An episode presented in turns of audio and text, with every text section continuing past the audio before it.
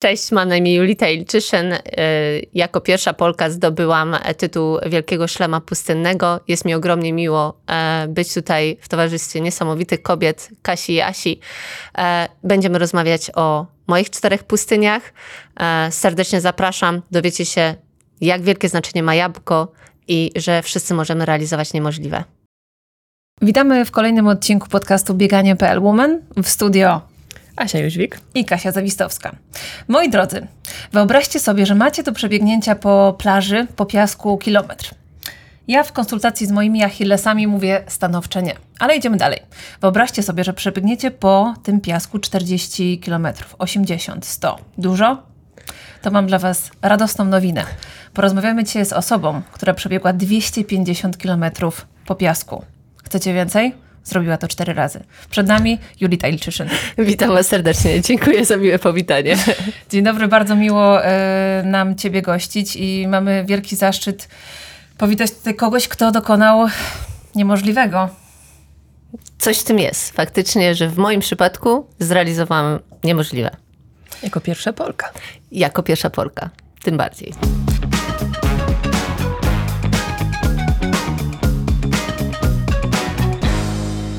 No dobra, to zacznijmy może od pytania, które y, towarzyszy nam w tych podcastach zawsze. Za czym w życiu biegniesz? Lub dokąd? To jest bardzo trudne pytanie zawsze, bo to jest y, pytanie, na które odpowiedzi i odpowiedź jest bardzo złożona. Y, ja nie mam jednoznacznej odpowiedzi na to. E, mam mnóstwo celów, mnóstwo frajdy i chyba za tą frajdą życiową biegnę najbardziej. Chyba to mi przyświeca, żeby cieszyć się życiem, żeby poznawać to życie, żeby czerpać i korzystać, bo nigdy nie wiadomo, kiedy po prostu będę musiała przestać.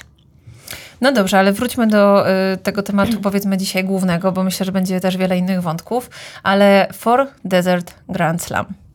Proszę wytłumaczyć nam wszystkim, widzom i słuchaczom, co to takiego jest i Mhm. Co, co ty zrobiłaś?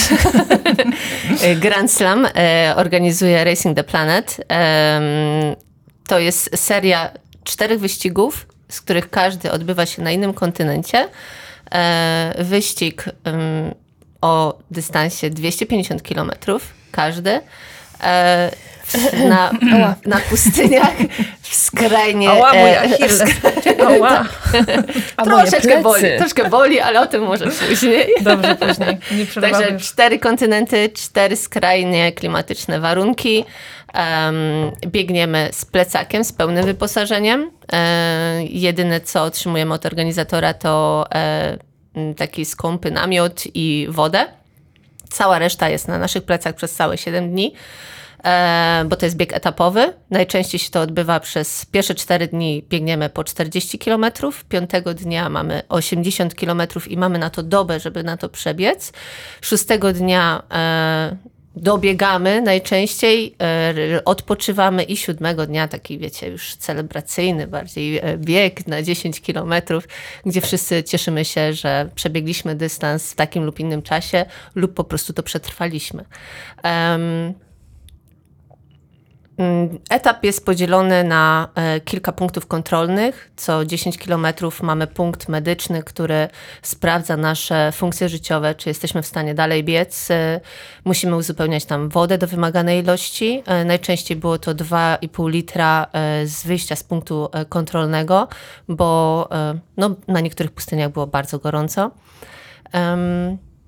No i to chyba takie najważniejsze, czyli plecak, 250 km, cztery kontynenty, cztery skrajnie e, klimatyczne warunki. To chyba takie najbardziej ciekawe. Co ja myślę, Że, myślę, że nie możemy już zaczynać od deseru w tej rozmowie.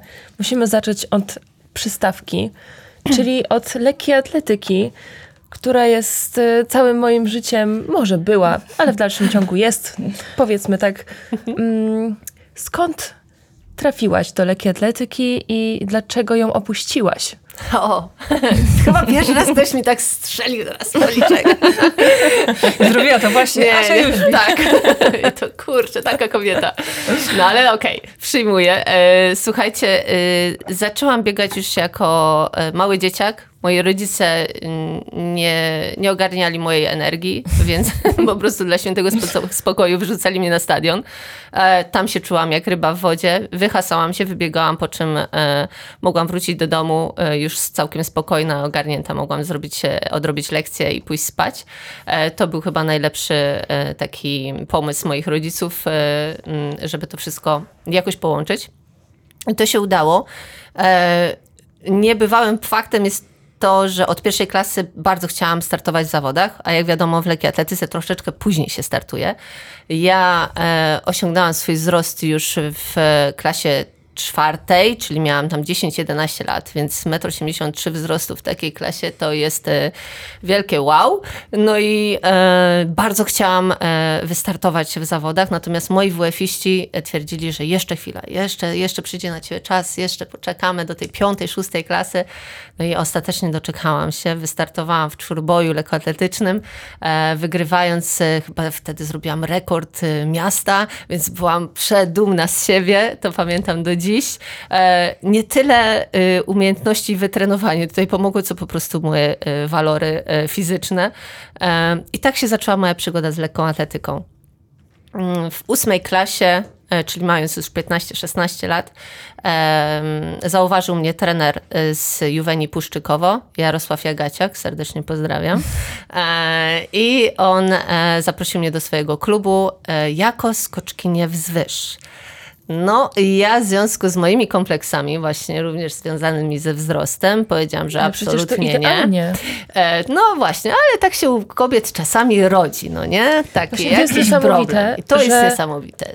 Że tak naprawdę y, rzecz, która jest atutem naszym, my traktujemy to jako kompleks. To, Tak. jest, to jest w ogóle... I z czego to wynika, no nie? E, To jest chyba temat na osobny podcast. Zdecydowanie, bo jak tutaj się rozgadamy, to nie sporo mogłoby osób się tutaj wypowiedzieć na ten temat. Niemniej jednak faktycznie tak było. E, I postanowiłam, e, że ja pójdę do tego klubu. Mm, To się wiązało z tym, że będę mieszkała w internacie, e, ale będę skakała w dal i trójskok. No i trener powiedział, dobra, już widzę, że charakter masz, no to już wykaż się w tym skoku w dal i faktycznie tak zostało. E, Uwielbiałam skok w dali trójskok. Gdzieś tam w międzyczasie jakieś sztafety wchodziły, jakieś biegi sprinterskie, bo to było siłą rzeczy połączone.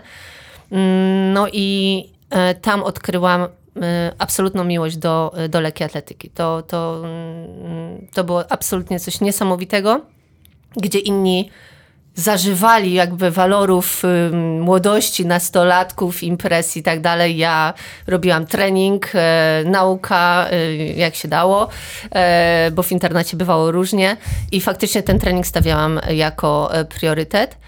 Mm, No ale z czasem już e, gdzieś tam poniekąd jeszcze tam zdobyłam e, wicemistrzostwo Polski e, halowe, to też zaznaczam, skoków dal, ogromna duma, ale potem pojawiły się jakieś delikatne kontuzje mm, i zaczęło mi doskwierać e, taka rutyna.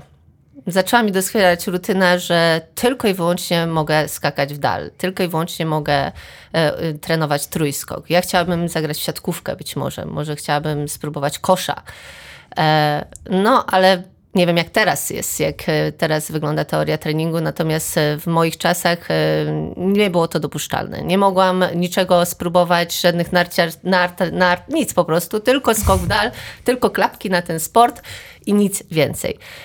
A byłam dosyć otwartą osobą i chętną poznawania wszystkiego. Więc to zaczęło mi trochę mm, sprawiać jakiś tam dyskomfort i zaczęłam się męczyć powoli tymi treningami. E, Do tego stopnia, że po maturze, próbując się dostać na e, AWF Poznański, gdzie zabrakło mi z klasą, z pierwszą klasą e, mistrzowską, zabrakło mi pół punkta, stwierdziłam, że nie, no, kończę z tym sportem. Zaraz, zaraz, zaraz. Jak te Czyli nie dostałaś się? Nie dostałam się. Nie dostałam się na AWF Poznań, słuchajcie, to, była, to był totalny strzał. Tak, bo byłam absolutnie pewna, że, że, że to jest bez problemu, że to no, w- przy moim przypadku nie będzie, nie będzie takiego kłopotu. No nie dostałam się i to był chyba taki punkt zwrotny, że ja muszę odpocząć od sportu że, że zamykam ten rozdział, bo widocznie to nie jest dla mnie że czas się zacząć tym bawić. No i trafiłam na e, studia e, PWSZ Leszno, bo tam był kierunek wychowanie fizyczne, bo chciałam się ruszać, także, ale już nie tak na poważnie. No i tam poznałam wszystkie e, możliwości sportu, wszystkie dyscypliny. Świetnie się przy tym bawiłam, mam mnóstwo przygód i wspomnień z tego czasu. E, Tam też jakby doświadczyłam takiego życia studenckiego w takim nie jakimś super szerokim zakresie, bo zawsze byłam raczej rozsądna, E, ale, ale lubiłam się pobawić. Lubiłam poznawać ludzi, lubiłam doświadczać i to chyba mi do teraz zostało. A teraz spróbuję ci wejść słowo Mhm.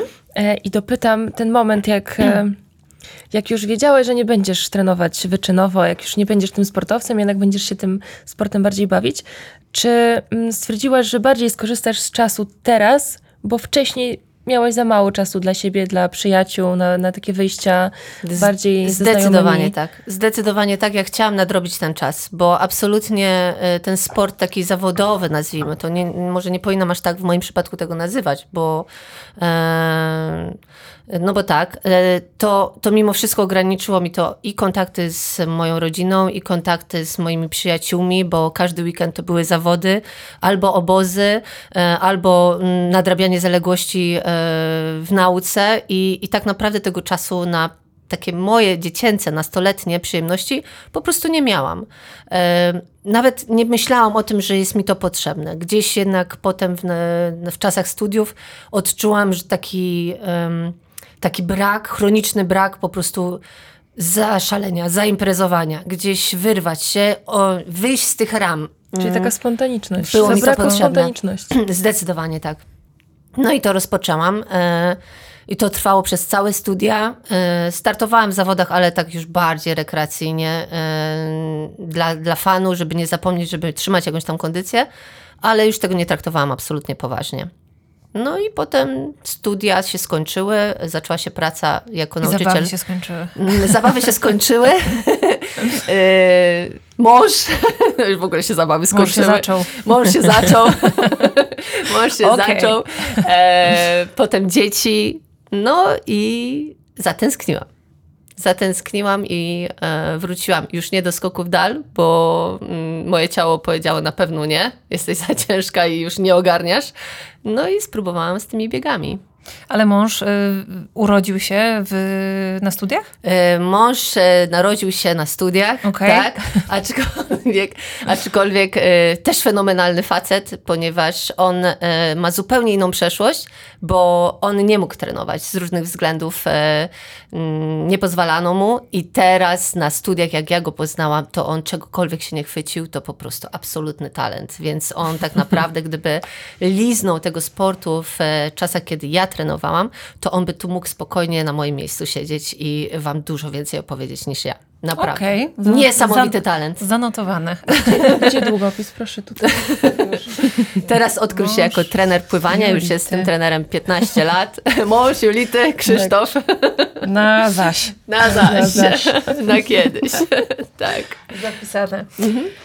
Czyli studia, zakochałaś się i razem jesteście w sporcie w sumie do teraz, prawda? Jesteśmy do teraz, aczkolwiek w każdy w innej, w cudzysłowie, branży, bo nie mamy wspólnego języka, mamy takie charaktery, że to najprostsza teoria i każdy ma swoje zdanie na ten temat, więc e, To rozdzieliliśmy jak się nasze... dogadujecie? Jakoś tam się No właśnie, jakoś, jakoś nam idzie już te naście lat, już jesteśmy małżeństwem i jakoś nam się to układa, e, ale, ale jesteśmy zdecydowanie e, jak ogień i woda. No. Czyli w waszym przypadku można powiedzieć, że przeciwieństwa się absolutnie da, da, Przyciągają, dadzą tak. przyciągnąć. Tak, tak. Okej. Aczkolwiek no, musi wejść ten kompromis i taki często odpuszczenie. Jak już y, chwilę miałam taką zajawkę, co tu robić, co tu robić po tych ciążach, jak tu, ja tu muszę się wyrywać y, z, z tego domu, no to będę y, trenowała triatlon tak jak ty, nie?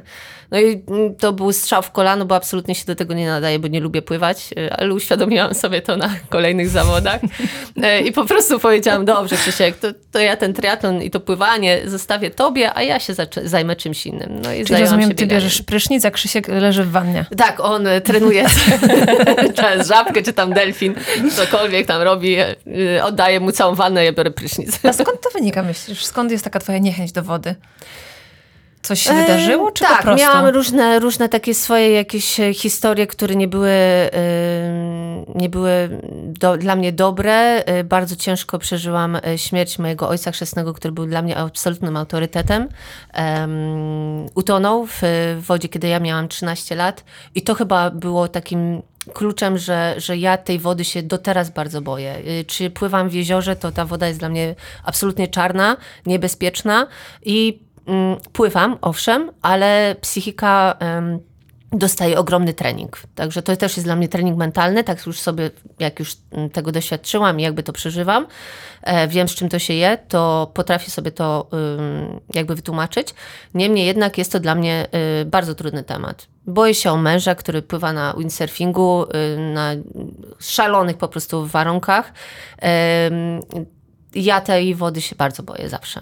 No to i tak szacun, że ty mm, brałaś udział w zawodach, które z tą wodą miały Tak. dużo wspólnego. To... E, Ale to chyba też dlatego, żeby łamać e, te blokady, nie? E, I to dał mi e, Run Magedon, żeby łamać blokady, żeby się przełamywać, że jesteśmy w stanie absolutnie zrobić wszystko, na co sobie my tak naprawdę pozwolimy. Dużo to kosztuje, ale no, nagroda za to jest e, absolutnie niebagatelna i, i bezcenna. No ale co tam tak na tym Ranmagedonie cię pozwoliło przełamać? Pozwoliło ci się przełamać? Bo Tam są... było całe mnóstwo rzeczy, słuchajcie. O, wiem, ale na przykład ścianka do przeskoczenia. Ścianka. Y, Ze ścianką tą dwumetrową, czy tam dwa i pół metra nie miałam problemu, bo zarzuciłam nogę i No, jakoś tam sobie poradziłam, nie? Ręka do Jakoś góry, sobie koniec ścianki. Tak, jakoś sobie poradziłam. Natomiast te czterometrowe e, z linami, gdzie trzeba się wspinać i potem przełożyć tę nogę, e, zaufać swoim rękom, no to dla mnie to już było konkretne wyzwanie. To, to poczekaj, to masz lęk wysokości? Tak, również. Ja mam sporo lęków. Słuchajcie, już teraz jakby mm, jestem z tym pogodzona i potrafię się przełamać, jestem tego świadoma, ale to mnie dużo kosztuje cały czas. Walczę z tym, ale przez to jestem, uważam, chyba silniejsza. A powiedz, skąd taka chęć pokonywania tych wszystkich twoich słabości? No bo nie oszukujmy się, większość ludzi, jeżeli czegoś się boi, to po prostu tego nie Unika. robi. Unika tego, a u ciebie jest wręcz odwrotnie. Ale to od pewnego czasu. To jak urodziłam e, mój drugi cud świata, czyli moją drugą e, córkę Zuzannę, e, poczułam ten głód jakiejś adrenaliny, jakiegoś takiego spięcia. Ja od zawsze byłam szalona, od zawsze lubiłam jakieś przeszkody, jakieś wyzwania. I był taki czas, kiedy się zatrzymałam i powiedziałam, nie, to nie jest dla mnie. Ale ja się strasznie źle z tym czułam. I stwierdziłam, że nie, kroczę dalej tą drogą, mm, bo wiem, jakie będą tego efekty. I taki Run Magedon dał mi coś takiego, że faktycznie byłam przerażona tymi startami, e, bałam się, e, ale poznając smak tego zwycięstwa, nie tyle czas w czasie, czy tej klasyfikacji, tam y, miejsca i tak dalej, e, ja czułam się z taką, takim zwycięzcą e, samego siebie, że pokonałam te swoje opory, że mm, mogę na sobie polegać i mogę no, przekraczać kolejne granice. A ty No takich chyba to. treningów mentalnych to lubisz chyba sobie dodawać coraz większych i większych, co? To chyba... No, to jest swego rodzaju jakieś uzależnienie. Wiem, że uzależnienie się y, traktuje jako coś negatywnego y, i nie ma na to pozytywnego określenia na uzależnienie, ale w sporcie coś takiego jest faktycznie, że, że jest to takie, ja to nazywam pozytywnym uzależnieniem, pozytywnym nałogiem y, i lubię to. Zdecydowanie tak. No a wiadomo, nauki i uzależnienie, no coraz głębsze, coraz więcej, coraz więcej. No dobra, czyli masz lęk wysokości, yy, lęk dotyku kontaktu z wodą. Co jeszcze chcesz przełamać? Wiatr. Kosmos. Nienawidzę wiatru e, z różnych przyczyn. Między innymi właśnie 4 lata temu wypadek mojego taty, e, który uległ wiatrowi i właśnie go zniszczył. Jest osobą niepełnosprawną, niemówiącą, sparaliżowaną. E, wiatr go po prostu pozamiatał i, i od tego czasu panicznie boję się wiatru. Na pustyniach miałam sporo takich zdarzeń z wiatrem i wymagało to ode mnie ogromnego wysiłku, już nie tyle fizycznego, co psychicznego, żebym mogła sobie z tym poradzić. Wiatr jest dla mnie absolutnie przerażający, bo jest ym, nie do opanowania. To jest taka siła, że nie jesteś w stanie nad tym zapanować, wyciszyć, uspokoić. To teraz biorę cię pod włos. Śmiał. Czy spróbowałabyś kitesurfingu? No, to wymagałoby to połączenie ode mnie ogromnej wiatru. pracy. To I jest wysokości. I wysokości, no jak wyskoczysz, Jak wyskoczysz, to masz No, wszystko dałaś mi zagwozdkę. Dałaś mi zagwozdkę, na którą musiałabym mm, z pewnością trochę popracować. To na pewno. Uwielbiam patrzeć. E, Tak, to jest- to kitesurfingowcu. O matko, To pięknie wygląda, tak. pięknie wygląda, oni Pięknie. też pięknie wyglądają. E, także jak najbardziej. E, ale z- zawsze to robiłam z e, plaży, z lądu. mm, tam, się czuję, tam się czuję najbezpieczniej. No, a Powiem tutaj... ci z własnego doświadczenia, ja też bardzo boję się wody, z tego względu, że może nie mam żadnych traumatycznych przeżyć, ale jednak tej wody nigdy w moim życiu nie było. Ja nie umiałam pływać do 20, 20 roku życia. E, W dalszym ciągu bardzo słabo pływam jednak spróbowałam kajta. E, Było to dla mnie na początku bardzo stresujące, traumatyczne, ale w końcu jak wystartowałam, jak przypłynęłam te 10 metrów, to poczułam, że Poczułaś. Boże, chyba trzymam Pana Boga za nogi w tej chwili. w ręce. A czy Tak, to nie na jest tak, że właśnie być może dlatego, że tylko mogłaś biegać, bo domyślam się, że tylko mogłaś biegać, poczułaś Może wreszcie być. coś nowego. Nie? Może być. Twoja Dokładnie tak. za nartami chociażby przecież tak. w trakcie twojej kariery. Dobra, ale to Dokładnie. nie jest rozmowa o mnie, przepraszam. To już było. e, czyli zapytałam już, e, skąd taka zajawka sportami ekstremalnymi. E, powiedz mi, e, jak wyglądała droga właściwie od tego sportu takiego klasycznego, gdzie po prostu wychodzisz sobie na zewnątrz, pobiegać na 5 km, 10 km, do Run Magedonu 50 km. Słuchajcie, no tak to się zaczęło, że y, urodziłam Zuzannę y, i po czterech miesiącach wystartowałam y, w Run Magedon y, Rekrut, to było? Ale to medycznie... y, y, Po ilu? Po czterech miesiącach. No wiadomo, y, piersi bolały, tak, na mecie, ale ja mówię, nie no, spróbuję. Słuchajcie, to nie był bieg, nie? Nie, nie, bo wy macie już, wy już macie, o Boże, mistrzostwa świata. Nie, ja tam się czołgałam, ja tam się świetnie bawiłam. Wchodziłam Co? do zamrażalnika, taplałam się w błocie i było fantastycznie. To nie były dla mnie zawody, to nie był start, to był absolutny fan z przyjaciółmi. E, uśmialiśmy wychodzę. się tam. Słuchajcie, y, to było na, y, w Modlinie jeszcze, no nie? Modlin, no w ogóle, nie no, super. Uśmialiśmy się, płakaliśmy ze śmiechu.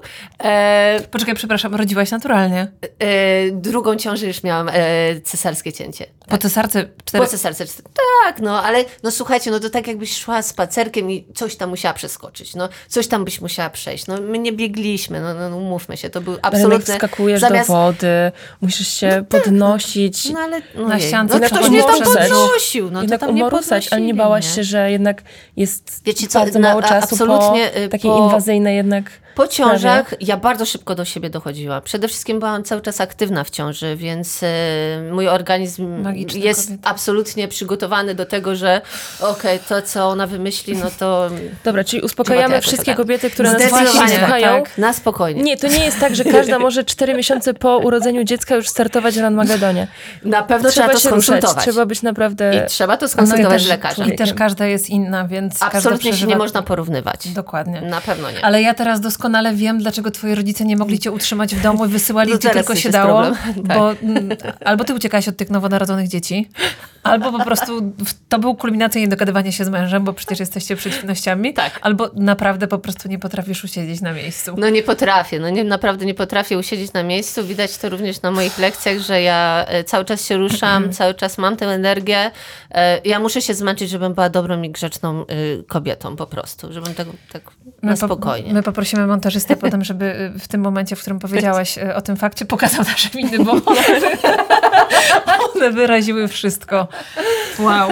No, myślę, że w tej rozmowie będzie jeszcze dużo innych zaskoczeń. Y, Czy Asia, twój temat lekkiej atletyki został wyczerpany, czy mogę przejść y, dalej? Przechodzimy do, przechodzimy do e, deseru, dokładnie, a nawet czterech Bo deserów. tam jest tyle informacji, tyle cieka- ciekawostek, nawet nie chcę mówić ciekawostek, bo to tak umniejsza temu, ale ty zrobiłaś coś jako pierwsza Polka. czyli Zgadza się.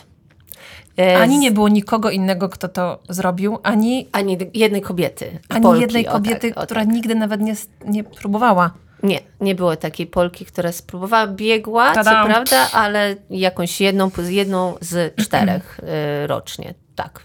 Ale nie było, nie było ja również nie było chciałam kobiety. zapytać, jaki jest e, stosunek startujących kobiet do mężczyzn? Czy jest większość mężczyzn, czy jednak kobiet? Tak, jest większość mężczyzn, oko, y, kobiet z roku na rok przyrasta.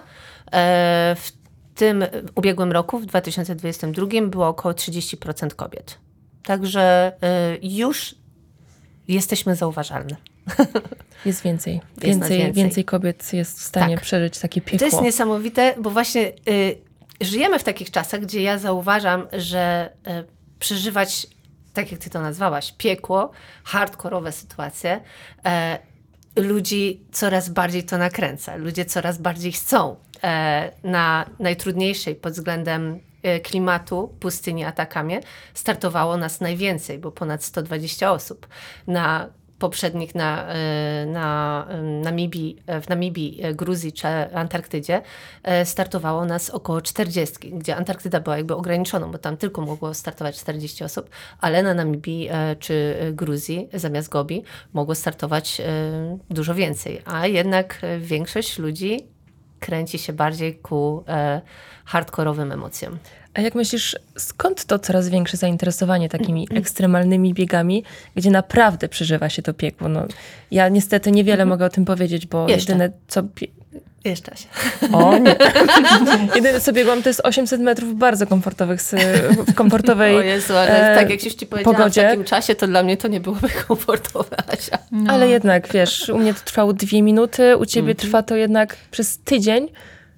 Dzień w dzień pokonujesz kilkadziesiąt kilometrów, śpisz naprawdę w ekstremalnych warunkach, Tak. więc dlaczego, Dlaczego? tak? Y, mam taką teorię, że ludzie pędzą, ludzie nie mają czasu, ludzie są zabiegani, nie, nie mają czasu e, dla siebie, bo cały czas tylko jest praca, obowiązki, stres i większość z tych zawodników, których miałam e, okazję mm, poznać, którzy są teraz e, dla mnie super przyjaciółmi, oni po prostu chcieli odpocząć, oderwać się od e, tej ich szarej rzeczywistości, od tej takiej codzienności. Chcieli poznać no. totalnie, słuchajcie, ale taka jest prawda. Chcieli po prostu sprawdzić się w czymś innym. E, zaskakujące jest to, że wybrali aż taki e, e, wyścig, ale mm, no większości się to udało i satysfakcja, z którą pojechali do domu, e, spowodowała, że osiągają w tej chwili e, sukcesy w swojej pracy, bo zupełnie mają inne myślenie, inne podejście do pracy, do życia przede wszystkim e, i to ich napędza i chcą coraz więcej. Mm, u mnie też to chyba tak działa. Chyba. Tak. To, to trudne pytania zadajecie cały czas. Nieprawda. No co ty? Ale ja bym to usystematyzowała. Pierwsza twoja pustynia, po której Namibia. e, Namibia. Mm, wrażenia. Z zetknięcia się z takim dystansem, z taką temperaturą, y, z takim wysiłkiem, no i z tym całym etapem tych pokonywania 40, 40, 80, 10. Y, Namibia była dla mnie kolejną taką radością, bo y, uwielbiam ten kontynent, y, uwielbiam Afrykę. Wcześniej byłam na Saharze. Właśnie specjalne miejsce w serduszku, nie? Tak, o, tak. y, Tam jest, słuchajcie, ludzie, którzy tworzą ten klimat są niesamowici. To, to jest y, to, jakie oni mają otwarte serca, serce na dłoni, wyczuwalne są e, przez wszystkich mieszkańców tam. I, I to mnie chyba tak ujęło, że wszędzie są uśmiechy, że wszędzie są właśnie przytulasy, o których dużo mówiłyśmy dzisiaj. Em, to tworzy taką nie- niesamowitą atmosferę. I to mnie ujęło i wiedziałam, że ja się tam będę doskonale czuła. I tak, tak faktycznie było. Każdy następny etap był faktycznie dla mnie coraz trudniejszy, bo pierwszy raz biegłam na te 250 kilometrów e, i nieoczekiwanie doznałam kontuzji, kontuzji biodra, e, gdzie nigdy z biodrem nie miałam problemów. E, Tutaj mnie to zaskoczyło i to była walka o przetrwanie. Ja Namibię faktycznie przetrwałam, zmieściłam się w limicie czasowym z zapasem dosłownie 9 minut, więc wow. katastrofa. Jak oni mi to powiedzieli na mecie, to ja mówię, ja co ja tu robię w ogóle, jakaś katastrofa. Bo, bo ty tego nie mogłaś wiedzieć, prawda? E, nie, ja wiedziałam, że codziennie przechodząc z etapu na etap, że mam zaliczone, że zmieściłam się w limicie czasu, ale do ogólnej puli wchodził całkowity czas, w którym również się musiałam zmieścić. I najtrudniejszy dla mnie był e, ten long march, czyli ten długi dystans 80 km, gdzie mieliśmy 24 godziny, a ja razem z moim przyjacielem Arturito, którego poznałam na trasie, którym miał ogromne problemy z e, mentalem, z, żeby sobie poradzić, Zrobiliśmy to w 23 godziny i 51 minut. I do, doszliśmy, przyszliśmy przez całą noc, cały dzień. Doszliśmy e, na metę o godzinie 8.50 rano, gdzie wszyscy już e, odpoczywali, e, a my po prostu, i to pamiętam ten moment chyba do końca życia, jak wpadliśmy sobie w ramiona, popłakaliśmy się niesamowicie, bo tylko my wiemy, co tam przeżyliśmy tak naprawdę. I, i nie jest to do nie jest możliwe to do opisania, jak ktoś tego po prostu nie przeżył. Być samym na pustyni e, z przyjacielem, którego znasz trzy dni, ale wiesz, że możesz mu oddać życie i mm, y, za niego i mu pomóc i wiesz, że w drugą stronę to też tak będzie działało. To jest, y, to jest fenomenalne I, i chyba to była taka moja największa wygrana, że zdobyłam takiego przyjaciela w najtrudniejszym dla mnie chyba takim życiowym momencie, no, jeżeli chodzi o, o sport. Czyli potwierdza się to powiedzenie, że jednak przyjaciół poznaje się w biedzie. Absolutnie Racing the Planet, każdy ten wyścig to potwierdza. I to w niejednym przypadku. Nie masz takiego tak. poczucia, że ty po prostu musiałaś to zrobić, musiałaś to ukończyć. Przecież to 9 minut. To jest y, Mhm. jedna, jeden przystanek więcej, jeden, nie wiem, napicie Moment. się. T- Mhm. Tak, po Ale prostu dobra. jedna przerwa więcej i wy, wy byście tego nie ukończyli. Zgadza się. Ale ja muszę zapy- zadać to pytanie. No co się stanie, jak ty nie ukończysz takiego biegu, że załóżmy wpadniesz na metę 3 minuty po limicie czasowym? No, nie macie. Dyskwalifikacja. Ale, ale ukończyłaś to jednak, to jest twoje. Mm, nie, to tak nie działa. Bo do, do, gdy, ja nie wiem, jak, e, jak ja Jedziesz, bym to oceniła. Nie? Startujesz przez cały tydzień. No, niektórzy Boże, nie ukończyli, nie? życie. Asiu, niektórzy nie ukończyli. Ale tam jest dużo takich e, punktów, które cię dyskwalifikują z tego biegu, prawda? Jest tego całkiem sporo. Nie możesz e, się kąpać. Wodę mogliśmy, e, otrzymywaliśmy tylko e, do picia i do zrobienia sobie jedzenia e, liofilizowanego, także nie możemy się kąpać, za to grozi dyskwalifikacja. Czasowe, wiadomo. Em, Również. Wiem, że karę czasową otrzymała dziewczyna na takamie, którą ma sobie włosy, bo już po prostu nie dawała rady. Ona, ona po prostu naprawdę musiała mieć te włosy. E, takie miała poczucie. No Kasia? i e, dostała, tak, i dostała karę za to czasową. E, są kary za nieprzestrzeganie e, limitu wody. Jeżeli weźmiesz na przykład, były też takie przypadki, że brali e, 2,5 litra, wychodzili z punktu kontrolnego, ale wiadomo, to waży, to waży 2,5 kilo. E, więc za rogiem e, ci niektórzy zawodnicy po prostu wylewali tę wodę, bo wiedzieli, że nie przyda im się tyle. E, byli zauważani i do tego otrzymywali kary i tu uważam, że jest to absolutnie adekwatne. Także sporo, sporo tego było. Brak wyposażenia kompletnego mm, po iluś tam dniach. Codziennie mieliśmy weryfikowany ten, ten bagaż. No i jeżeli czegoś zabrakło, to albo mm, wytłumaczyłeś, że po prostu to zużyłeś, albo jeżeli to nie było jakiś konkretny, mm, prawdziwy argument, to też, można, to też groziło to dyskwalifikacją lub karą czasową. Także sporo, sporo takich e, restrykcji było. Wiem też, że chyba było coś związane ze, e, jeżeli śmiecisz, e, jeżeli załatwiasz się i coś ze zwierzętami. Tak, Dobrze myślę? To, to zdecydowanie tak, to było różnie na różnych pustyniach. Najbardziej takie, restry- takie restrykcyjne zasady były na Antarktydzie. Tam było ich całe mnóstwo. Przykład naszych ukochanych pingwinów, którzy kochają wszyscy absolutnie. Mój konik, mój E, temat. tak. Ale e, jeżeli ten cudny pingwinek wejdzie ci na trasę, którą już mamy wydeptaną, bo obok jest e, ileś metrów śniegu i nie za bardzo masz ochotę tam włazić i się taplać i przełazić i, i brodzić. E, I ten pingwin stanie ci na tej naszej wydeptanej ścieżce i tak sobie stoi. A ty chcesz biec, bo rywalizujesz mimo wszystko, e, a nie możesz do niego podejść na odległość 5 metrów, no to zaczyna się e, walka, co tu robić, tak? Więc tu mieliśmy taką zasadę, mm, nie mogliśmy do niego podchodzić, musi, musieliśmy poczekać, aż pingwin sam sobie pójdzie, e, albo no zachęcić go do tego, żeby zmienił decyzję Wtedy, poszedł. pani pingwinie, mam tutaj taką propozycję. Słuchaj, tak, dużo się rozmawiało z tymi pingwinami, było różnie. E, Ja mm, byłam, e, raz miałam e, zwróconą uwagę, że jestem za blisko pingwina, że, e, że to nie jest 5 metrów, a ja z racji skoków dal wiem, ile to jest 5 metrów i O, nie, dałam nie, nie. sobie rękę uciąć, że to jest więcej niż 5 metrów. I im to bardzo e, dobrze wytłumaczyłam, więc nie miałam, ale było ryzyko, że y, pingwin jest zestresowany moją osobą i mogę zostać dyskwalifikowana. Nie?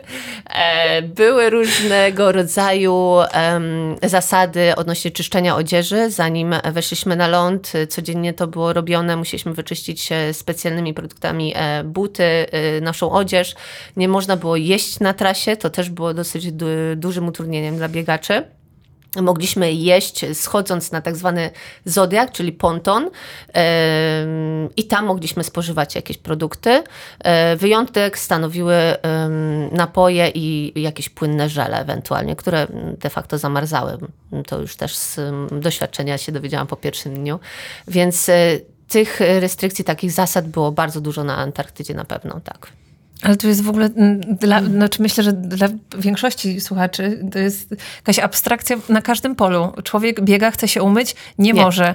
Chce coś zjeść na trasie, nie, może. Chce Siku biec, nie możesz, kupa nie nie może. nie, nie możesz. Chcesz biec, stoi ci pingwin na trasie. Tak. I, i Co, jak słuchaj, żyć? Tam się co chwilę coś działo. Tam, tam, e, ja jechałam na Antarktydę z taką myślą, że chyba już mnie nic nie może zaskoczyć, nie? A jednak. jednak i było tego całkiem sporo. Jeden dzień jeszcze, o, jeszcze wam jeden dzień opowiem, kiedy mieliśmy przygotowane takie mm, e, bagi e, wodoodporne, takie torby wodoodporne, e, z których mieliśmy schowane jedzenie i mogliśmy je zabrać właśnie na ponton. No ale tego dnia jedna foka upodobała sobie moją torbę i no niestety nie mogłam. Więc całe 8, Niesamowite. całe 8 godzin tłukłam bez niczego. Tam kumpel się z, zlitował i dał mi łyka kakao, e, ale no to było dosyć trudne przeżycie, a foka naprawdę polubiła moją torbę. Oczywiście nic z tej torby już nie zostało, bo fo, ta foka ważyła ponad 100 kilo, e, więc no, ale... Ale Cieszę ona, się, że, że, że po prostu sobie chociaż poniuchała i była zadowolona. Ale to wytłumacz, co ona z nią zrobiła. Ona, Ona po prostu się na to położyła to już wystarczyło. No, ja nie mogłam do niej walec podejść, taki a po prostu potem się zrobił z tej torby. no, takie było płaskie, tak, zdecydowanie. O wow. Potem wzięłam, no, już jak spaliśmy, weszliśmy na statek, rozpakowałam to i mówię, no nic, no niestety trudno, nic już z tego nie pozostanie. Biegając po Warszawie wkurzasz się, że masz czerwone światła i nie możesz zrobić dobrego czasu, a tam na przykład stanie ci pingwin na trasie albo foka I nie ma. ci twoje yy, I naprawdę to jest bardziej stresujące niż czerwone światło w tym przypadku, ale w tej chwili to miło wspominam i z dużym uśmiechem na twarzy, jak widać. Powiem ci, że ja dla tych przygód chyba bym wystartowała. Pewnie bym nie ukończyła, ale Oj, każdy, słuchajcie, tam e, startowali e, naprawdę w różnym wieku ludzie. E, od No właśnie, najmłodszego e, 23 lata. Mm, Nie mówię, o, nie mówię o e, Grand Slamie, o wielkim szlemie. O jednej pustyni. Mhm. Mówię o jednej pustyni. E, natomiast em, hitem e, był Japończyk, nie przypomnę sobie jak nazwisko, bo nie mają, dla mnie są Mhm. zawsze trudne nazwiska. On zrobił e, klub czterech pustyń, czyli cztery pustynie w różnym przedziale czasowym, nie w rok. E, I facet, e, poznałam go na Antarktydzie, e, miał 76 lat. E, Na Antarktydę można się To dostać tylko w ten sposób, kiedy zaliczysz przynajmniej dwie pustynie. Jeżeli zaliczysz dwie pustynie, masz takie zaproszenie, przepustkę na to, żeby wystartować na Antarktydzie. On przebiegł te dwie pustynie, czyli musiał zrobić na pewno Namibię, na pewno Gobi lub Atakamę. No, zdobył, zrobił, zwyciężył w swojej kategorii wiekowej na pewno i chyba zwyciężył tą swoją satysfakcję, nie? To jest najważniejsze. no dobrze, ale taki 76-latek chce przebiec yy, tę pustynię, o której mówimy. I żeby tam się dostać, nie tylko trzeba być yy, jakby finiszerem tych dwóch pustyń, ale trzeba jeszcze zdążyć z zapisem. E, Na Antarktydę tak. Na pozostałe pustynie nie. Na pozostałe jest e, otwarta e, lista. Maksymalnie może startować 250 zawodników. Rok 2022 był dosyć takim wyjątkowym rokiem, bo był to czas jeszcze pandemii, e, potem po pandemii, ale z różnymi restrykcjami cały czas covidowymi, więc e, tych ludzi było e, dużo, dużo mniej.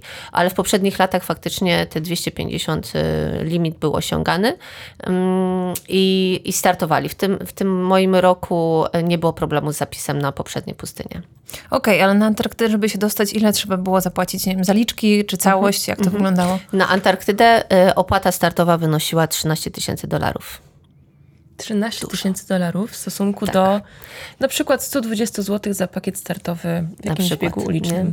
Tylko tutaj Polsce. musimy wziąć naprawdę pod uwagę. Ja sobie nie zdawałam sprawy, y, co ile kosztuje i że faktycznie to ma swoją y, wartość, to ma swoją cenę. E, Przede wszystkim e, biegamy po zamkniętych terenach dla takich piechurów, dla takich zwykłych ludzi, dla tych zwykłych turystów. E, To są parki narodowe, które trzeba opłacić, trzeba uzyskać zgody, a to wszystko kosztuje. Ym, Wiadomo, cała pomoc medyczna, wolontariusze, organizatorzy, miejsce, to wszystko trzeba opłacić. No i no dla mnie chyba, gdybym miała podjąć taką decyzję, że, że czy stać mnie na to, żeby wydać jeszcze raz takie pieniądze, to wierzcie mi, że nie zastanawiałabym się Okej. bo emocje i to, czego tam doświadczyłam, co poznałam, co przeżyłam, to były grosze w porównaniu do tego, co zdobyłam. Dobra, to teraz zatrzymamy się na, jednym, na, na jednej twojej wypowiedzi, którą pozwolę sobie zacytować. Na Atakamie była burza piaskowa. Na jednym z etapów mieliśmy do pokonania już tylko 15 kilometrów. Nagle rozpętała się taka burza, że nie było nic widać. Zwiało chorągiewki z oznaczeniem trasy. Ludzka panika była wyczuwalna wszędzie. Cudem dotarliśmy do punktu kontrolnego, byliśmy odwodnieni, przerażeni, głodni i zmarznięci. Burza trwała jeszcze trzy godziny, więc przez ten czas nie mogliśmy nic zjeść ani się napić, bo piasek wpadał do każdego otworu, więc nie dało się nawet ust otworzyć. Wtedy pierwszy raz pomyślałam, Boże, co ja tu robię? Przecież mam rodzinę, mam do kogo wracać. I teraz, e, odnosząc się do Twojej wypowiedzi, czy wróciłabyś jeszcze raz na taką trasę i chciałabyś to jeszcze raz przeżyć? Tak. Bo dzięki temu e, ja sobie uświadomiłam, że e, każdy z nas jest zdolny do tego, żeby robić niemożliwe rzeczy. A to e, w oczach moich córek na przykład było ogromnym uznaniem. I dla mnie Czyli nie było... mm, To był moment mm, krytyczny dla mnie. To był moment, kiedy się zastanawiałam, bo bardzo źle się czułam. Faktycznie to wszystko, co mm, zacytowałaś, miało miejsce. I to nie był łatwy moment nie tylko dla mnie, ale jestem chyba taką osobą, która szybko y, próbuje rozwiązać daną sytuację, znaleźć jakieś rozwiązanie, znaleźć jakiś plus tego wszystkiego i tego się trzymać, uporczywie się tego trzymać. I to się udało. Czyli nie dostałaś zapytania od Twoich córek, mamo, czy mogłabyś nie jechać, bo my się o Ciebie boimy, zostań Nie. w domu. Wiesz co, zawsze jest tak, że jak wyjeżdżam, jest mi bardzo trudno. One nie płaczą, ja gdzieś tam po kątach y, łezka mi się kręci i nie jest to dla mnie łatwe. Natomiast po powrocie y, cieszymy się wszyscy razem y, ogromnie i są to łzy wzruszenia, są to słowa takiej uznania i takiej wdzięczności, że mamo, jesteś dla mnie super przykładem. Być może nie będę biegała, ale fajnie byłoby takie coś przeżyć samemu. Chyba. Czyli jednak mama jest lustrem. Tak, mam nadzieję. mam nadzieję. No dobrze, to już wiemy, że byś wróciła i ja już wiem, że ty wrócisz Na wrócę. taki dystans, na takie podłoże, czyli znowu pustynia. Znowu pustynia. e, Słuchajcie, na, o pustyni marzyłam już od dzieciaka i tak mnie los, e, tak mnie życie poprowadziło, że e, zaprzyjaźniłam się z Ranmagedonem Sahara i tam utwierdziłam się w przekonaniu, że pustynia to jest moje miejsce. To jest moje miejsce, kiedy mogę się poznać, kiedy mogę zobaczyć, o co mi chodzi. I jestem za to bardzo wdzięczna i właśnie po Fort Desert ym, miałam niebywałe szczęście, bo e, wylosowałam zielone winogrono w e, kubku zwycięzcy Grand Slamera. E, A to winogrono oznaczało, że organizatorzy Racing the Planet finansują jeden start Stop. na pustyni. Opowiedz o tym, proszę, bardziej szczegółowo, bo to jest Okej. piękna historia, a ty powiedziałaś to w jednym zdaniu, jakbyś recytowała czym Bo jest... dla mnie jest to cały czas mały ambaras i małe zakopotanie, nie ukrywam, bo Nie. muszę się do pewnych rzeczy Dlaczego? przyznać. Powiedzmy to na głos. Słuchajcie, y, ja byłam ogromnie wzruszona już samym faktem, że y, zdobyłam Grand Slamera. E, I przyznaję, że nie do końca słuchałam tego, co organizatorka ma do powiedzenia, bo nie specjalnie mnie to interesowało, już trzymając ten medal, już po prostu zrobiłam swoje. A czy masz dla nas medale? Słucham? Poczekaj. Mam. Po, musisz No dobra, nie przerywam, tak. przepraszam. Czekaj, tak. Już, I dobra. sytuacja była Uspokój taka, że ona coś tam sobie mówiła po angielsku, dla mnie niezrozumiałym, bo trudne, y, ona bardzo wyjątkowo mówi i e, rozdali nam kubki tego Grand Slamera, no i każdy tam zniósł toast, no i cały czas ktoś pyta, kto ma zielone winogrono, kto ma zielone winogrono, a ja tam, wiecie, już tu z przyjaciółmi, wiesz, e, lecimy, w ogóle zabawa, e, ale patrzę, że jakaś zielona kulka jest w tym kubku, nie, i tak mówię, kurde, co to jest, jakaś atrakcja, jakiś zielony lód, może coś, no nie wiem, nie, zupełnie odcięta. I mój kolega patrzy i mówi, ja pier... mm, przecież ty masz zielone winogrono. Ja mówię, no i ale o co chodzi z tym zielonym winogrono? Mówi, "Mm, wygrałaś start na dowolnej pustyni. Ja pierdzielę. Dobrze, że ty tego winogrona nie zjadłaś. Już nie Ja, słuchajcie, odpadłam. No nie, teraz to teraz mi towarzyszą te emocje, e, bo widać na zdjęciach mój szał, absolutny e, szał i e, no nie mogłam pohamować swoich emocji. Była to ogromna radość. E, Wszyscy i to było mega ujmujące dla mnie, bo każdy zna moją historię z tych zawodników i e, podchodzili do mnie i powiedzieli, że byłam jedyną osobą, która na to zasłużyła. I dla mnie O, rozczulające. no, dla mnie to było to. Nie? to I to, słuchajcie, i to jest takie fajne, że ja jechałam na tę pustynię, żeby wygrać, żeby y, zdobyć uznanie, przez to zdobyć sponsorów, bo tak to się, tak to się odbywa w tych naszych dzisiejszych czasach. A wyjechałam z czymś dużo ważniejszym. Wyjechałam z y, takim poczuciem, że no, ludzie są cudowni, że, że są przyjaciele, że w tak trudnych momentach, których było całe mnóstwo, mm, ja mogę liczyć na ludzi. Mam, mam ogromne szczęście do ludzi i, i to chyba mocno zawdzięczam Racing the Planet. To jest chyba moja taka największa wygrana. Ludzie.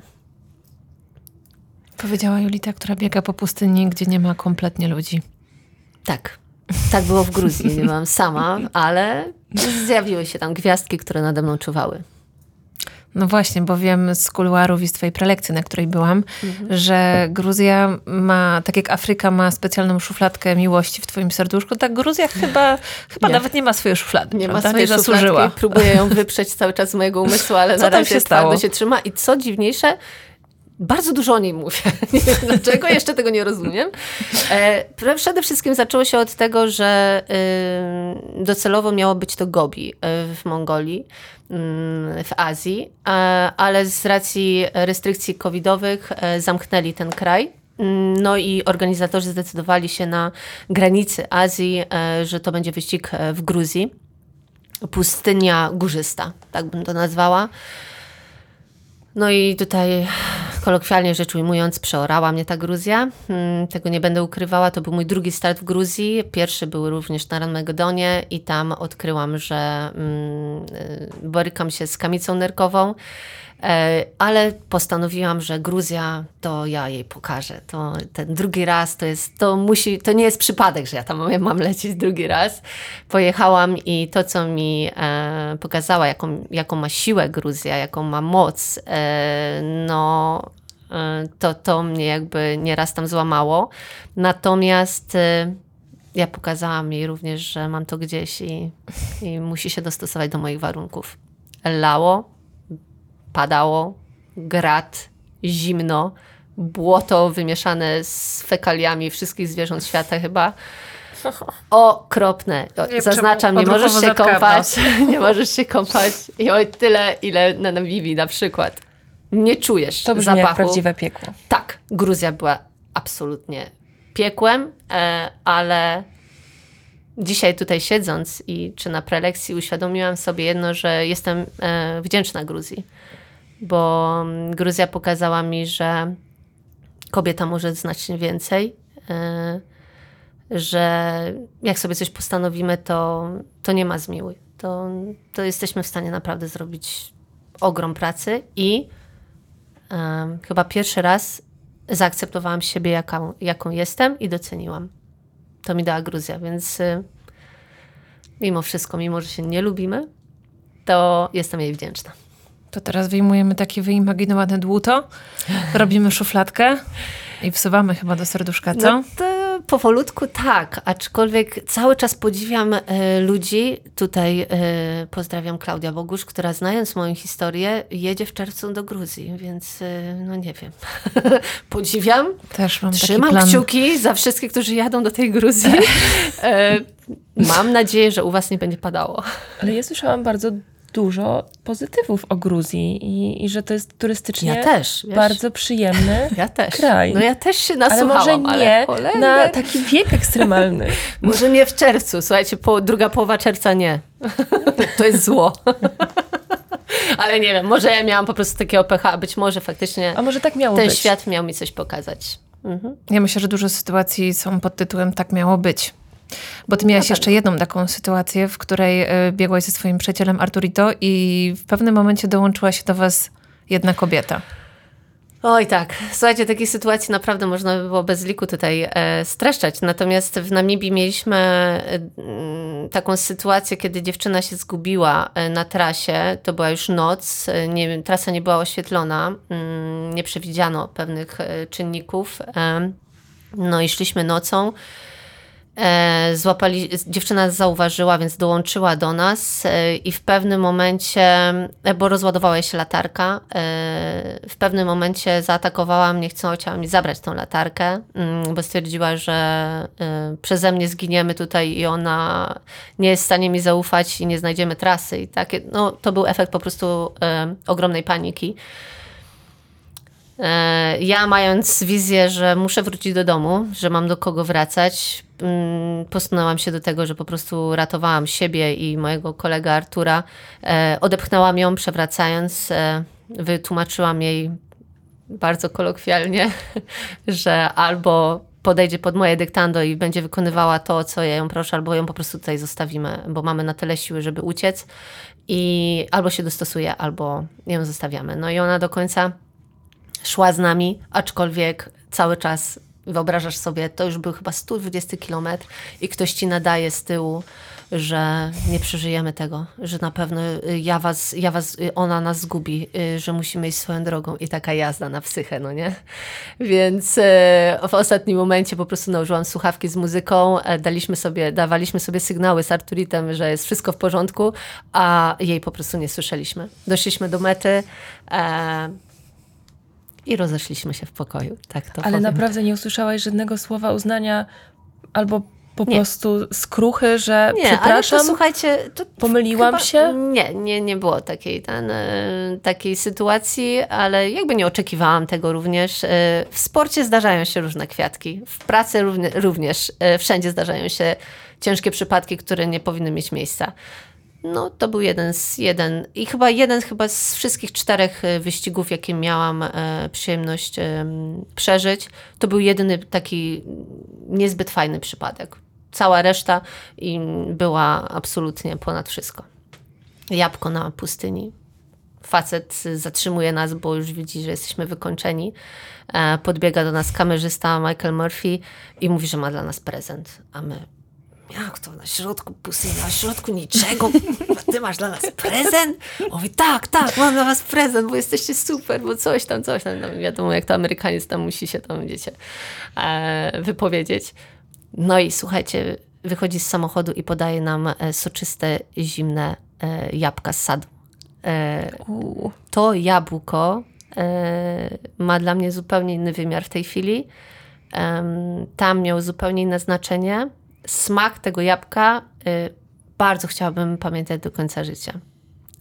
To, jak tam długo płakaliśmy e, i jak długo zwlekaliśmy z tym, żeby mm, zacząć jeść to jabłko, to jest moje i Arturita i Michaela. E, no, dla was to może brzmieć dziwnie, nie? Bo patrzymy na to jabłuszko i po prostu się podniecamy. Jezu, jakie piękne w ogóle. Boże, święty cały tydzień naliofilizowany ma tutaj jabłuszko i w ogóle.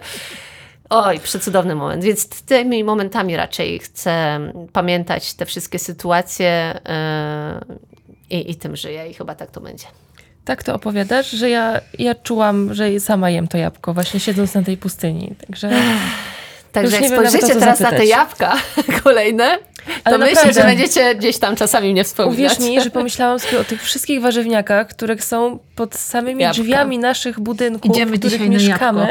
To jest E, I, I jest nam bardzo łatwo po nie sięgnąć Tak. i zjeść, a, tak, nie a w takich sytuacjach to A jabłko tutaj, jest takim czymś Dla nas, wow. e, dla nas ma to ogromny symbol i, i tak naprawdę Fort Desert e, jest e, takim symbolem jabłka, takim symbolem przyjaźni na zawsze.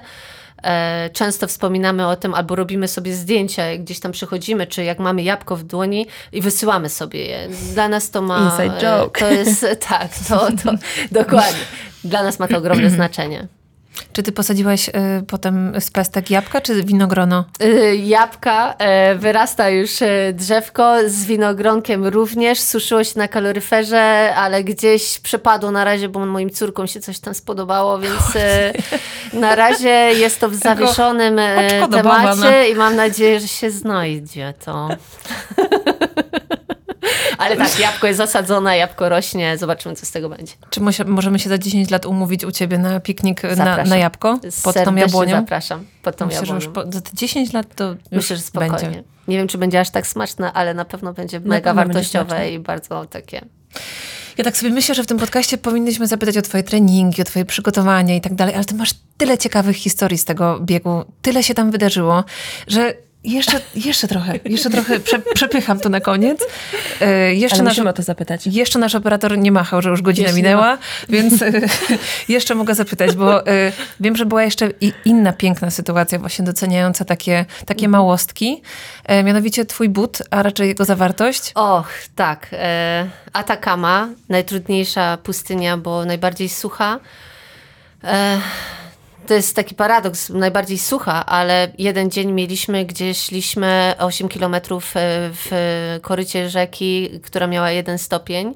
E, temperatury cholernie zimne, bolało wszystko, że miało się wrażenie, że nawet jak się połamiesz, to nic nie poczujesz.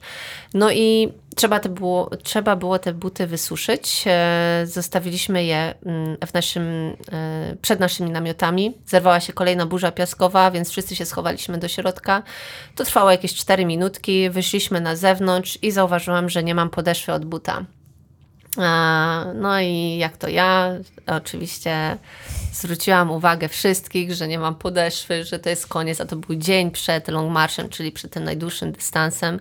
E, już miałam odciski, miałam już jakieś pęcherze, więc wiedziałam, że może być problem z ukończeniem tego biegu bez podeszwy. No wyobraźcie sobie, jak można biec bez podeszwy, nie? Myślę, że nikt nigdy nie myślał o tym, żeby biegać bez podeszwy, więc... Podeszwa je- tak, naprawdę ma znaczenie. Znaczy podeszwa, ta wkładka, wkładka do buta, o, bo może tak źle się tak. wyraziłam, nie? Chodziło o wkładkę do buta.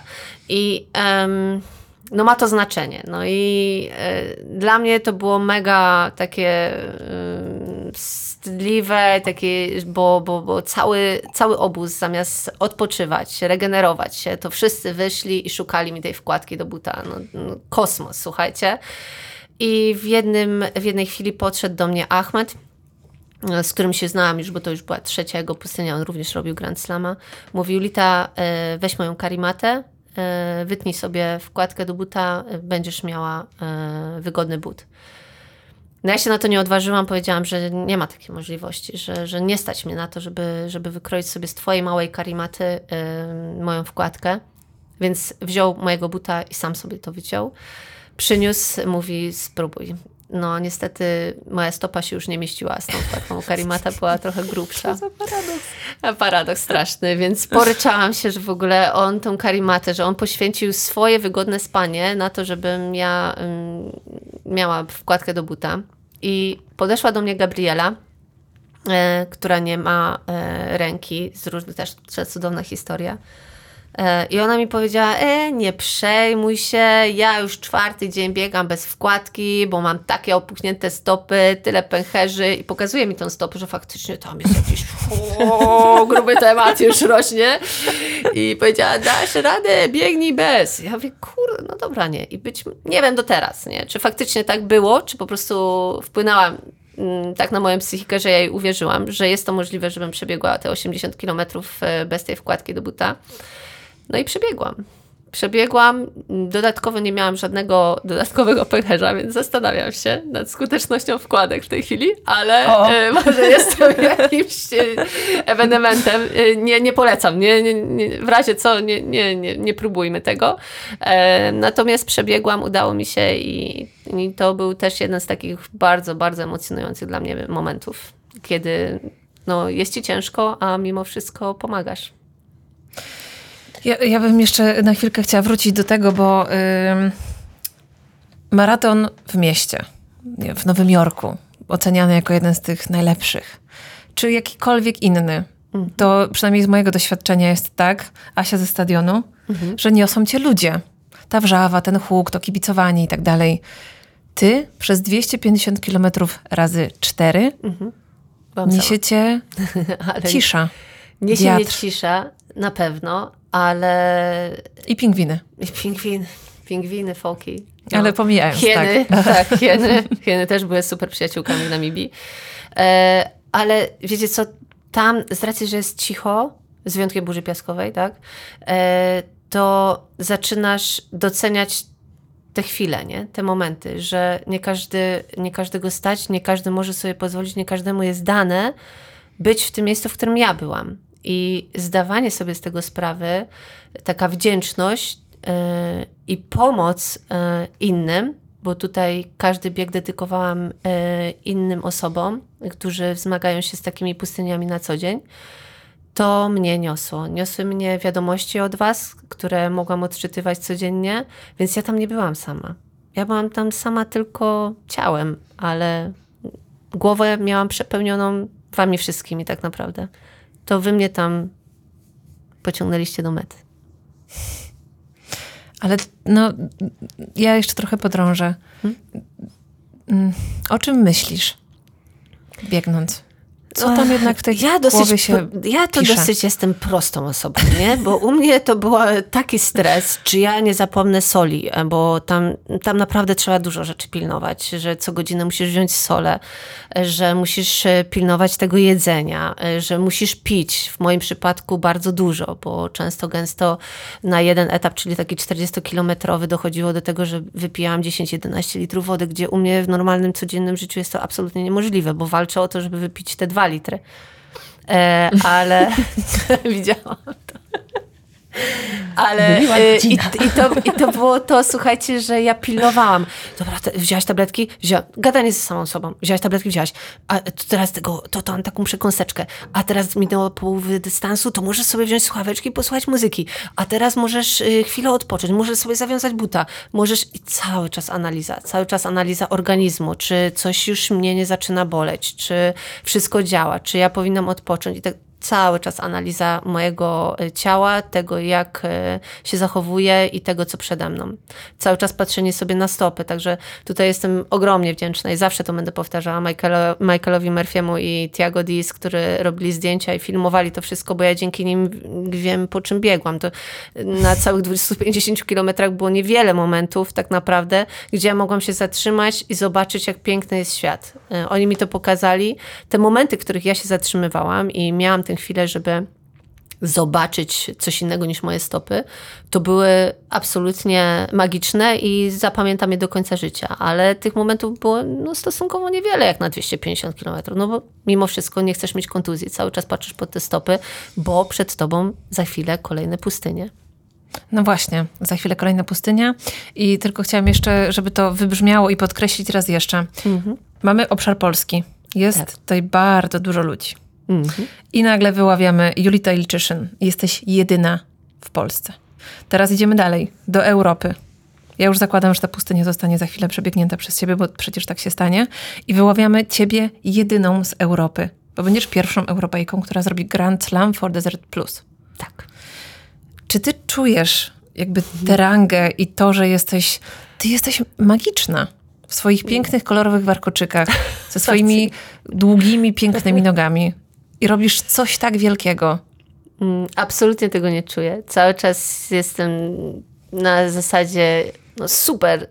Cieszę, jestem ogromnie wdzięczna, że to przeżywam, że jest mi to dane, ale absolutnie się z tym nie utożsamiam, że jestem wygraną taką tytularną, tak, że o, zdobyłam e, tytuł pierwszej Polki, czy tytuł, mam nadzieję, pierwszej Europejki. Ale to nie masz tak, że plus 5 do pewności siebie? Jeszcze nie. 10, Być może jeszcze nie, nie do końca sobie to uświadomiłam. Na razie się cieszę, że, że, że było mi dane to zobaczyć i, i z tego się cieszę. E, Z tego mam ogromną satysfakcję, że są ludzie, którzy chcą tego słuchać. Mnie to ogromnie jara, że, że ja mogę o tym mówić, bo dajecie mi taką nagrodę, że ja mogę się tam znowu znaleźć na chwilę. To jest, to jest dla mnie coś niesamowitego. To, że jestem pierwszą Polką, fajnie, ale nie ma to dla mnie większego znaczenia. Zrobiłam to. Wyciągnęłaś tego swoje. Tak. Dobra, e, treningi. Obiecałam? Pytam. Treningi? Jak Julita Ilczyszy przygotowuje się do takiego dystansu pod takim terenie? Ale tutaj od razu e, podpowiem, Mhm. że jak ostatnio siedziała tutaj Patrycja Bereznowska, mówiła, że do biegu e, w e, Dolinie Śmierci w 50 Tak. stopniach przygotowuje się w saunie. Zgadza się. Ja też e, przygotowywałam się w saunie e, do pierwszego biegu e, w Namibii. Robiłam przysiady, wchodziłam sobie na stołek. mm, No, z różną reakcją się to jakby spotykało, ale były, były dosyć zabawne te Ja w momenty. tej chwili wyobrażam sobie, jak siedzą ludzie. Tak, siedzą, sobie relaksują się, a to łazi, nie? No. Cieszę się, że ty pierwszy się z tego zaśmiałaś. Ja mówię, nie będę. Poker face. Tak, że tak, często ale to, na- to było na dodatkowo... To, to tak, wyobraziłam to to sobie. był kolejny, słuchajcie, dodatkowy trening mentalny dla mnie, nie? Bo nie dość, że się śmieją i w ogóle dziwnie na mnie patrzą, no to ja jeszcze robię z siebie jakąś taką dziwną dziewczynę, nie? No ale, ale fakt faktycznie y, ta, ta sauna y, przydała mi się, nie wiem, bo y, na Namibii było ponad 55 stopni w dzień i y, zupełnie nie te warunki jak w saunie. Tam było sucho, więc się nie pociliśmy, bo to wszystko automatycznie było suche. Więc nie wiem, czy to był sens, czy nie, nie, nie jakby nie, nie mnie to oceniać. Inne cały czas chodziłam z plecakiem z dużym obciążeniem. To czy szłam na wybieganie, czy szłam na marszowanie, które też y, przydało mi się do, do tego treningu, e, to z dużym obciążeniem na plecach, żeby wzmocnić, wzmocnić plecy. E, Na to byłam bardzo przeczulona Mm, i widziałam e, bardzo wiele przypadków, które te plecy były zmasakrowane i to u żołnierzy, u wojskowych, którzy mm, wydawałoby się, że no, no są do tego przygotowani. Wręcz przeciwnie, jeden po prostu nie wytrzymał, bo miał absolutnie całe, całe plecy zdarte, więc albo niedopasowanie plecaka, albo po prostu skóra nie wytrzymała, więc ja byłam na to mocno przyczulona i bardzo tego pilnowałam, żeby katować te plecy, Ym, więc y, takim kluczem był plecak, sauna, dużo chodzenia. Mm, Niespecjalnie jakoś dużo biegania. Y, Ja cały czas zaznaczam, że nie jestem prosportowcem i nie jestem zawodowym y, sportowcem. Natomiast dla mnie miesięcznie te 250 do 300 kilometrów to był absolutny maks, który ja y, robiłam. I po Namibii okazało się, że to było trochę za dużo dla mnie, dla mojego organizmu, dla, to, dla tego, co przeżyłam. Dwójka dzieci, kobieta, obowiązki. Mm, Nie regener- może mniejsza regeneracja niż powinna e, i wiele, wiele tutaj czynników jest takich, no po prostu życie codzienne. E, Więc sprawiło to, że, że ten kilometraż był dla mnie zbyt wielki. Zeszłam do e, 150 do 200 kilometrów i to okazało się dla mnie strzałem w dziesiątkę, bo każdą następną pustynię przebiegałam w krótszym czasie, z dużo lepszą kondycją, z dużo lepszą formą. Także chyba to. Jest Czyli- takie śmieszne zdjęcie, jak prasuję mm, ciuchy w moim mieszkaniu z plecakiem. No wszędzie, no ten plecak, no nie spałam z plecakiem, no nie spałam, ale, ale faktycznie ten plecak był ze mną wszędzie. To Właśnie tyle. taki plan treningowy chciałam od ciebie uzyskać. Pracuj z ja uważam, że genialnie. No, moje ciało mi za to podziękowało, zdobyłam cztery pustynie, jest wszystko spoko. Mam Ale nadzieję, że następnym będzie jeszcze krótszy, będzie szybciej. Tak, to prawda. Y, y, Wiem, że musimy się straszyć, ale jest jeszcze kilka punktów, które koniecznie musimy poruszyć pod tytułem ile, y, gdyby ktoś chciał przebiec te wszystkie cztery pustynie, z jakimi kosztami, z jakimi finansami musi się liczyć? Mhm. Słuchajcie, sama opłata startowa za każdą pustynię oprócz Atakamy to jest koszt e, 3800 dolarów. Sama opłata startowa. Antarktyda, tak jak wspomniałam wcześniej, 13 tysięcy dolarów. Do tego musimy doliczyć przeloty, do tego musimy y, doliczyć noclegi i wyżywienie wcześniej 2-3 dni przynajmniej, bo y, trzeba się. Tak, trzeba się zaklimatyzować. Atakama była najtrudniejsza, bo byliśmy już na wysokości 3,5 tysiąca metrów, więc tam y, siłą rzeczy naprawdę do, roz, rozsądnie jest się przy, pojawić tam wcześniej.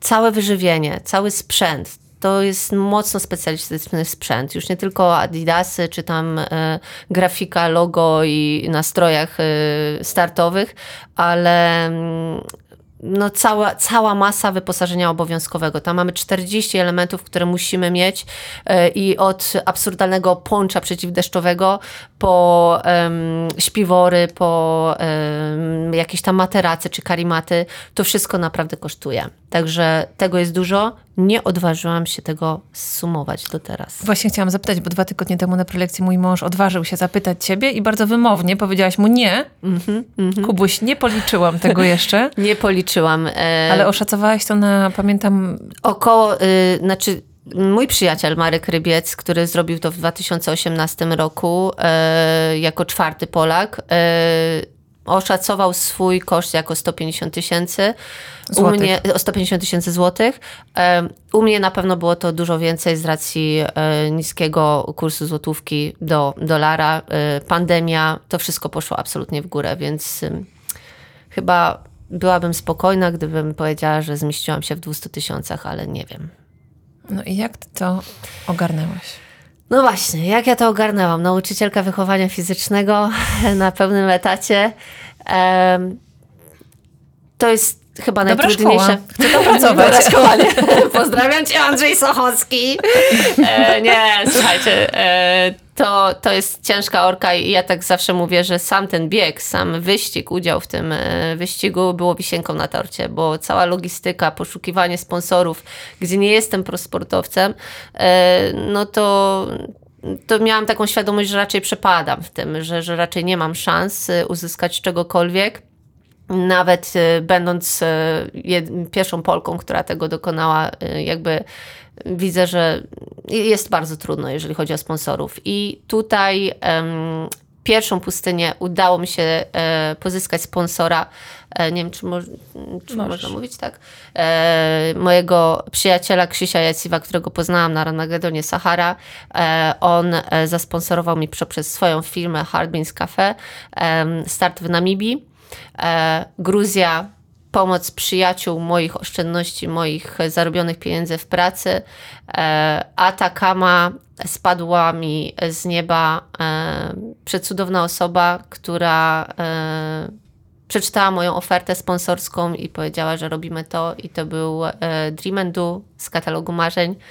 E, wspaniała ekipa, która spowodowała, że ja przez wiele, wiele miesięcy mogłam trenować spokojnie do, do kolejnej pustyni.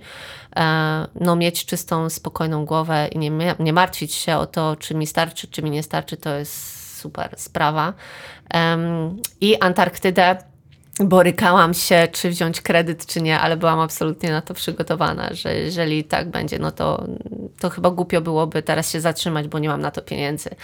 E, no i tutaj ruszył e, Patronite, ruszyła, ruszyło dobre serducho znowu przyjaciół, znajomych i ludzi, którzy mi po prostu kibicują i wiedzą, że no, z tego coś będzie i każdy z tego coś wyniesie.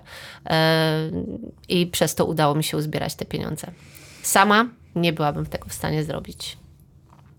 My z Asią przed tym podcastem mówiłyśmy, że ty zrobiłaś tak wielkie rzeczy i mm, wprost, wchodzimy na twój Instagram. Tak. I tam obserwujecie no właśnie, na pewno wspaniała. Telefon, bo chciałam już pokazać. Ale garstka ludzi. Bo to jest skandal.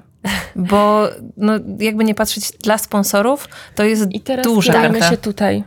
Drodzy Państwo, wszyscy, którzy obejrzeli nasz podcast, właściwie wideokast, macie zaobserwować tutaj Wybiegana oto mama. Dziękuję bardzo. panią. Jest... E, dziękuję. Ja wiesz co, jestem y, jakby świadoma tego, że chyba być może za mało czasu też na to poświęcam. Nie znam się na to, dużo rzeczy robię absolutnie intuicyjnie i pewnie jest to jakiś tam mój błąd. E, ale postanowiłam e, spotykając się między innymi z takimi jak wy osobami, e, ogromnie znaczącymi w tym świecie sportowym, że, że trzeba coś z tym zrobić i muszę się zacząć edukować, więc daliście mi takiego motywatora, za co jestem ogromnie wdzięczna i będę się w tym szkolić, ale co z tego będzie, zobaczymy. Trzymamy kciuki, ale ja myślę, że z tego miejsca też do tej kamery mogę powiedzieć, że nie tylko zapraszam do obserwowania e, Julitki, ale o takie wsparcie w każdym możliwym Byłoby super. stopniu, bo e, przed tobą kolejna Kolejny. wielka rzecz. Kolejna wielka rzecz, y, zdobyłam to winogronko, więc siłą rzeczy y, y, muszę dalej korzystać. musiałam troszeczkę... ma wyjścia. Roz, musiałam trochę ten projekt rozszerzyć. Znaczy, były takie fajne komunikaty od osób, że ja pierdzielę, z czego ty się cieszysz w ogóle? Kolejny 250 kilometrów. Więc no tak, ja się cieszę faktycznie i, i Gobi, czeka na mnie Gobi i to będzie chyba taka nagroda za tę Gruzję, chociaż warunki pogodowe podobno tam są podobne do Gruzji. No, no ale zobaczymy, może, może mi się poszczęści. No i co? I dalej e, chciałabym wystąpić e, w Adirum w Jordanii w listopadzie, również z Racing the Planet, e, uczcić ich dwudziestolecie i tym samym zakończyć swoją przygodę e, z Racing the Planet. Dobrze, my jako Bieganie.pl, jako redakcja, byliśmy z tobą przed y, ostatnią pustynią. Tak. Mm, Byliśmy po. Jak już y, zrobiłaś to, bo nie chcę mówić udało się, ale zrobiłaś to, rozmawiamy teraz. Y, z tego miejsca też obiecujemy, że będziemy śledzić kolejną pustynię, kolejną O, wyprawę. Super. Y, z ogromną przyjemnością. I myślę, że z ogromną przyjemnością kończymy ten podcast. Jejku, jestem absolutnie wzruszona i ogromnie Wam dziękuję. My również tych wzruszeń dzisiaj było bardzo dużo. Życzymy też tego podczas słuchania i oglądania tego podcastu. No i co? Widzimy się na jakiejś pustyni. Tam jakbyście kiedyś byli na wakacjach, to tak jak przebiegnie e, koło was taka chciałabym. z kolorowymi warkoczykami, to właśnie Julita Ilczyszyn. Ogromnie Wam dziękuję. To Dzięki było dla bardzo. mnie To my ogromne wyróżnienie. bo jesteś wielką inspiracją. Oj, usłyszeć to z takich ust, to Piątka na koniec. ogromnie. Wam dziękuję. Dzięki dziewczyny. Dzięki Wojtek. Doceniony! Jej! W końcu! Bieganie.pl